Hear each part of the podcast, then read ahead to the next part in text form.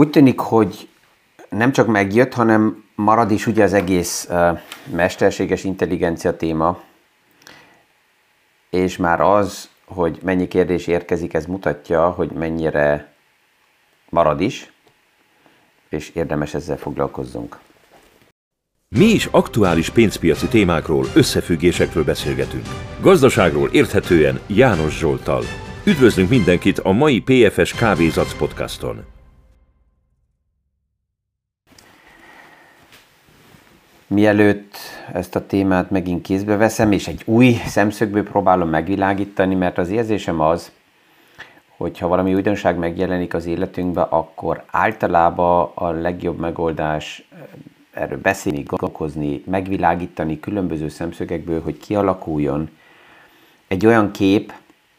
amelyikkel, amelyikhez tudjuk azonosítani az aktuális helyzetet. Ugye a pszichológiából azt, azt tudjuk, hogy az elégedettségnek egyik szemszöge az, hogy mennyire passzol eh, nekünk bizonyos témákban a kialakított önképünk a témáról, vagy hogy abban milyen összefüggésben vagyunk mi is ott, mennyire azonos azzal, ami aktuálisan történik. És ha, ha sikerül az aktuális eseményeket, ami velünk is történik, közelhozni ehhez a, a kialakított ideális képhez, akkor elégedettebbek vagyunk, és ha nem, akkor van egy elégedetlenség, ami lehet akár pozitív is, mert még oda szeretnénk elérni, de lehet negatív is, és, és akkor annak is a jeleit látjuk. Tehát az egész mesterséges intelligencia témáról újra és újra beszélgetni, és új és új szemszögeket behozni, az, az mi, mi minden már témás témába is, ami segít kialakítani egy, egy, egy, egy képet. Ami még fontos a tegnapi podcasthoz, és abból lehet látni, hogy az én podcastjaimat, amikor felvettem, akkor én nem hallgatom még egyszer végig vissza, és így a visszajelzések néha segítenek, itt is erre kell tegyek egy pár dolgot, mert a tegnap ugye az összefüggések, hogy az aktuális technológiai fejlődések és az internet vagy a technológiai lufi különbséget, hasonlóságokat dolgoztam ki, és ebbe az évekbe egy párszor téves éveket említettem, tehát a technológiai és az internet lufi, az első technológiai lufi internetfival együtt az olyan 98-tól 2000-ig alakult ki, tehát amikor erről beszélünk, akkor mindig a 2000-es évről beszélünk, nem 2002-ről, nem 2020-ról, hanem 2000-ről. Ez csak mint kiegészítés azoknak, akik észrevették, hogy itt a, a, az éveket um, egy kicsit néha összecseréltem a, a gondolatszáguldások mellett. És amin nem mentem végig, hogy az a likviditás és az a tőkeerő, ami ma ugyan nagy vállalatoknál megvan, az biztos, hogy egy nagy különbség ez. 2000-ben nem létezett ebbe a dimenzióba. Az Alphabet volt az, amelyiket a tegnap ugye említettem, de ugyanott a sorba ott áll mögötte egyből Apple 57 milliárd dollárral. Ez nem a tőzsdei kapitalizációja a vállalatoknak, mert a tőzsdei kapitalizáció szemszögből nézve az Apple nagyobb, hanem az, hogy mekkora a cash tartalék, mekkora likviditáson ülnek, és eh, szűk 100 milliárd dolláron ugye az Alphabet, az Apple 57-en, eh, Microsoft körülbelül 56-57 eh, milliárdon, attól függ, hogy melyik nap nézzünk a mérlegbe, Meta is szűk 30 milliárdon, és csak ezeknek az összegeknek, ha megnézzük, hogy egy 5%-os kamatnál mekkora az éves kamata, amit ezek a vállalatok bevesznek, hát akkor ilyen 1,3 milliárd metánál, és felelően körülbelül szűk 5 milliárd az alfabetnál az éves kamatbevétel. Ez, ez, ez hozzá kell mondani, hogy ez, ez egy olyan bevétel, amire nem tesz semmit a cég. Tehát, tehát még egy újat se kell mozdítani, uh, hanem, hanem jön ez a milliárd nagyságrendű bevétel.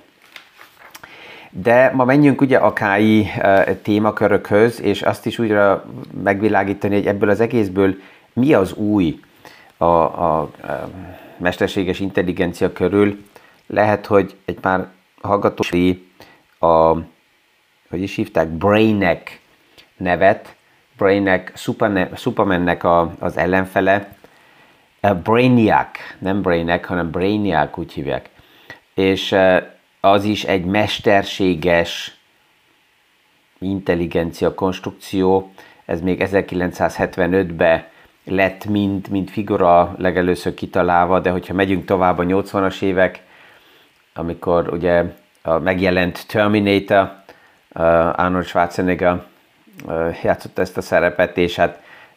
á, ha valaki Schwarzeneggerre gondol, és ezt a, ezeket a filmeket látta, akkor csak Terminatorre gondol, nem is annyira Conan vagy más figurákra, amit őt ját, ő játszott. És a rémképekben is megjelenik ugye ez a Terminator, az a gép, amelyik az emberek ellen fordul, és kiírtja így az emberiséget. Um, tehát az, az ötlet a mesterséges intelligencia konstrukciókkal az nem új, csak újra és újra különböző uh, új eszközök miatt jön a fantázia, hogy ebből mi minden tud lenni. Egy előadáson egy pár héttel ezelőtt egy olyan fehér-fekete videófelvételt is láttam, valamikor azt hiszem, hogy 1965-67-ből, amelyik, ahol egy amerikai egyetemi professzor elég magabiztosan az előadása közben azt mondta, hogy körülbelül három év múlva az életünknek a nagy részét, úgy satszolja, körülbelül 70%-át a gépek át, át fogják venni. És hát ez még a mai napig sem történt meg. De ez, egy, ez az egyik oldal az egésznek, hogyha valaki belegondol, akkor látja, hogy az egész nem új. Sok minden, ami vízió, fantázia, rémkép megvolt, azok, azok nem valósultak meg, de a másik oldalról persze, hogy érdemes foglalkozni vele, mert vannak apró pici lépések, aminek van kihatása a mindennapi életünkre, és pont azok a vállalatok, amelyikről az előbb itt ugye beszélgettem, amelyek úsznak a cashbe, és hát ha megnézzük a Nestek 100 top vállalatait, akkor a legtöbb vállalat pillanatnyilag valamelykor a, a költségvetési részt elkülönít arra, hogy mesterséges intelligencia programokkal kísérletezzenek, hogy nézzék meg, és ezt finanszírozzák, ez még bankok se kellenek, hanem finanszírozzák általában saját cashflow-ból azt, hogy megnézni, hogy hogy lehet ezt implementálni a saját üzleti modellbe, és az üzleti modellekbe a vállalatok általában ezeket azért akarják implementálni, mert, mert vagy azt, azt próbálják, hogy ezzel emelni a forgalmat, vagy a másik oldalról csökkenteni a költségeket, emelni a hatékonyságot, hogy hát a nyereség ugye menjen felfele. Amit látunk, hogy egyet a gépek a múltból sem tudtak, az főleg önállóan magukat empátiára megtanítani. Azt lehet esetleg látni, hogy egy program az úgy van programozva, hogy mindig kedves legyen. De hát, hogyha csak belegondolunk, ha minden nap valaki mindig csak kedves lenne, akkor ez, ez egy idő után kezd zavarni. Tehát itt kezdődik ez az emberi empátia kérdése, ami aktuális szituációkra épül fel, és sablonszerűen mindig ugyanaz a viselkedés, az nem menne. Az aktuális programoknak még nem sikerül az, hogy önállóan a program eldöntse, hogy mikor programozza át magát, nem kellemes és kedves programra, hanem, hanem goromba uh, programba, vagy támadó programba. Ha, bár, ha belegondolok, akkor ez egy elég praktikus sztori lenne, lehet, hogy egy pár év múlva ez akár még működni is fog, hogyha valakinek például a podcastnak a tényszerű része az tetszik, de ez a sok néha anekdótázás, ami itt beszivárog az én oldalamról, az nem tetszik, akkor lenne egy olyan program, amelyik felismeri azt, hogy éppen azt a podcastot ki akarja meghallgatni. És a meghallgató személyiségéhez megfelelően és akár napi hangulatához passzolóan ez az applikáció adaptálja a podcastot, és ugyanazt a podcast sorozatot valaki meghallja csak tényszerűen, lehet, hogy valaki más éppen nyitott arra, hogy, hogy akár anekdótákba is belemenjen, és, és meghallgassa azt, hogy, hogy a podcast szerkesztőnek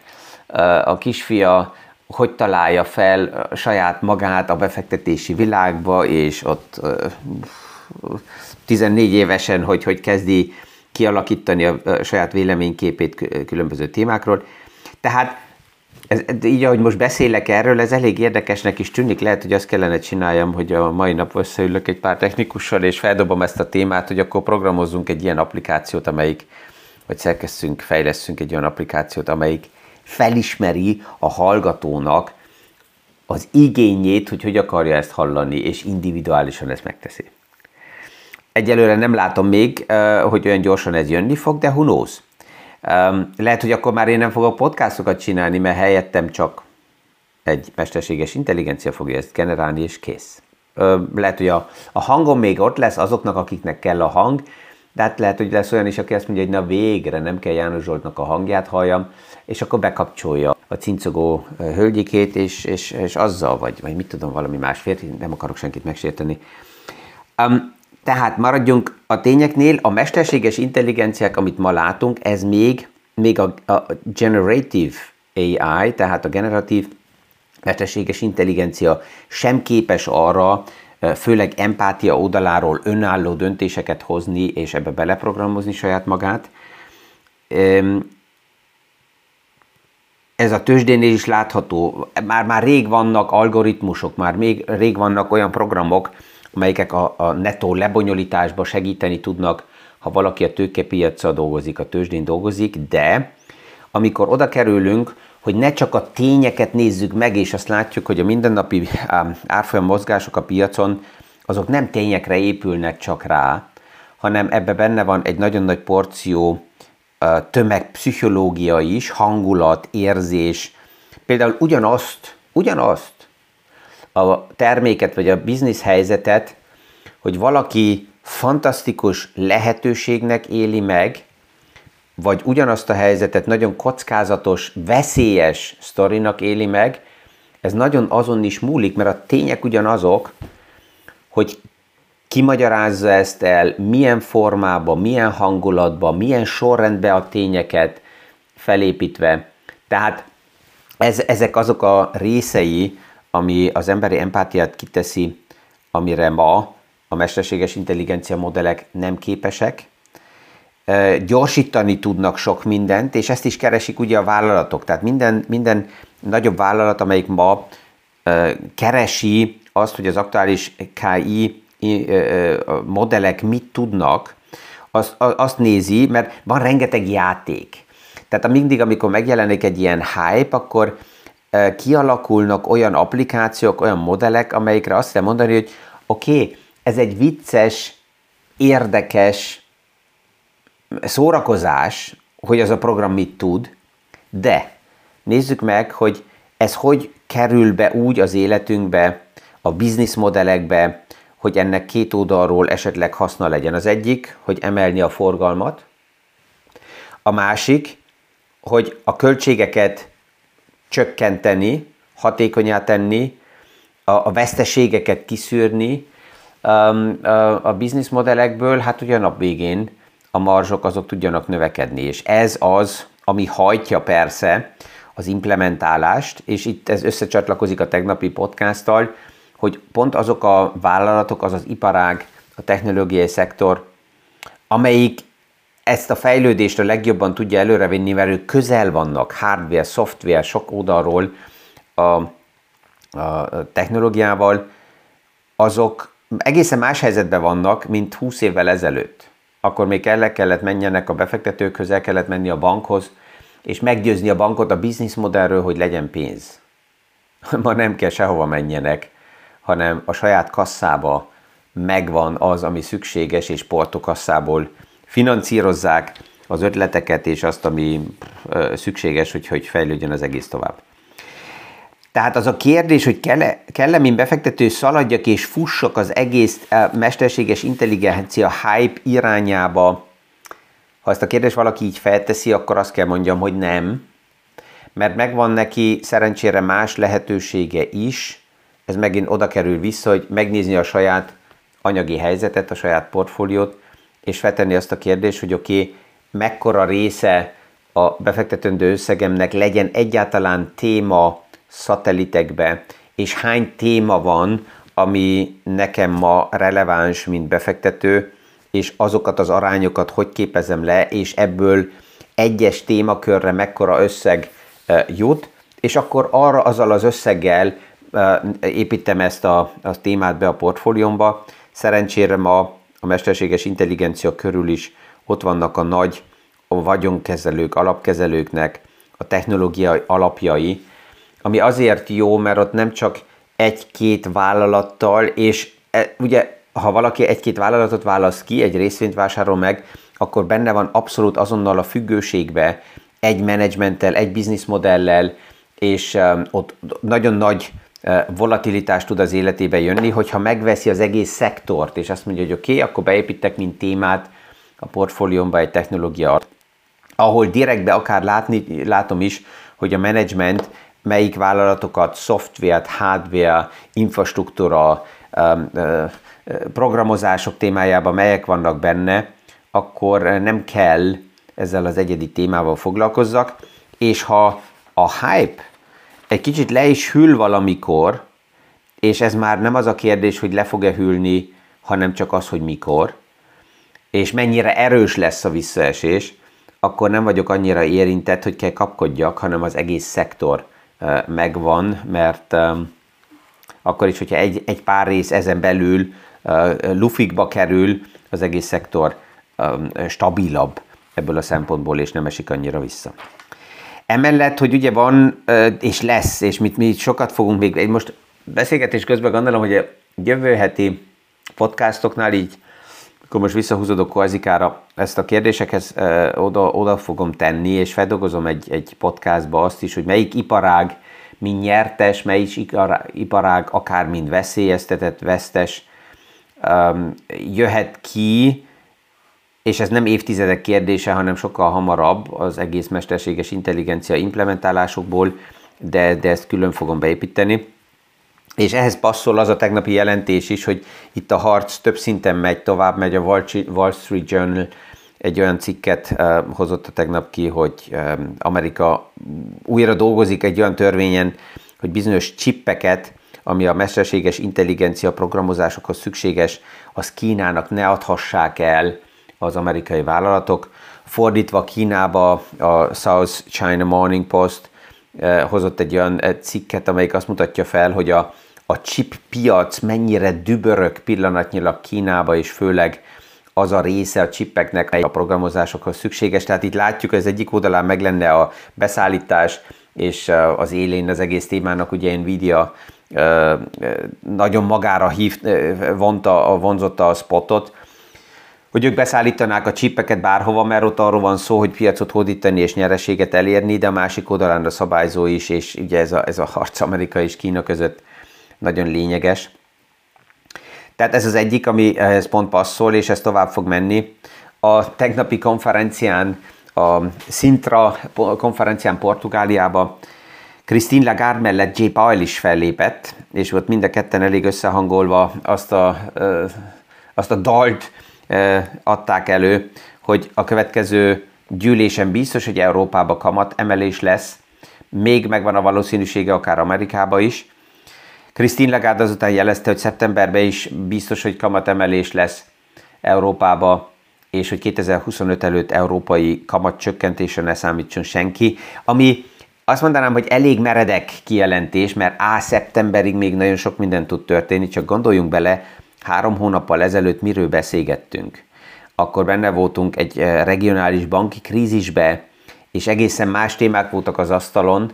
és ma azt mondani, hogy szeptemberben biztos ez meg lehet, ha bár a következő mondatban az is benne van, hogy az adatokat fogjuk figyelni, tehát itt még sok minden tud történni, de ezt kell mondják, hogy a piac ne billenjen megint túl erősen a parti hangulatba. Ausztrália ugye emelte két héttel ezelőtt a kamatokat, az aktuális infláció ott is csökkent, Olaszország kihozott számokat, ami azt mutatja, hogy az infláció csökken. Hónap kijön az Európai Uniónak a, az összes infláció száma,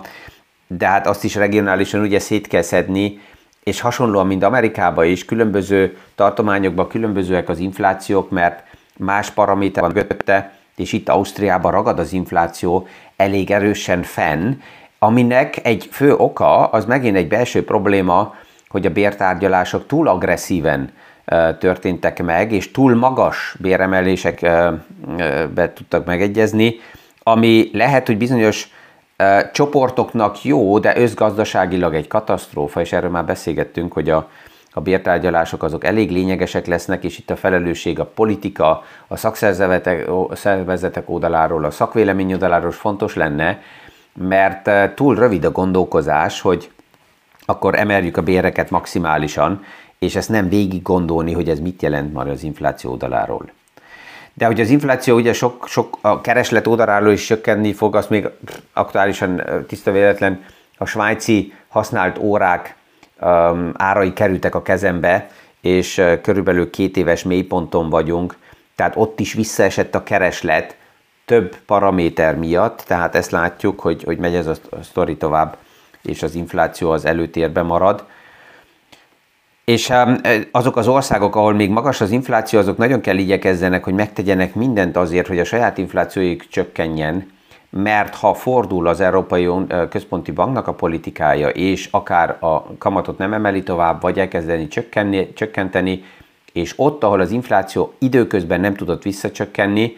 ott biztos, hogy a következő baj előtt fog állni az a gazdasági struktúra és az a gazdasági rendszer. Szó, és meglátom, hogy ilyen gyorsan elszaladt az idő. Kellemes napot kívánok ma is, mint mindenki, mindenkinek, és örvendek, hogyha hónap. Még egyszer itt a stúdióból jelentkezem a podcastra, és aztán a jövő héttől kezdve hosszabb ideig Korzikának valamelyik kellemes öbe fogom venni, vagy, vagy olyan helyén, ahol nyugodtan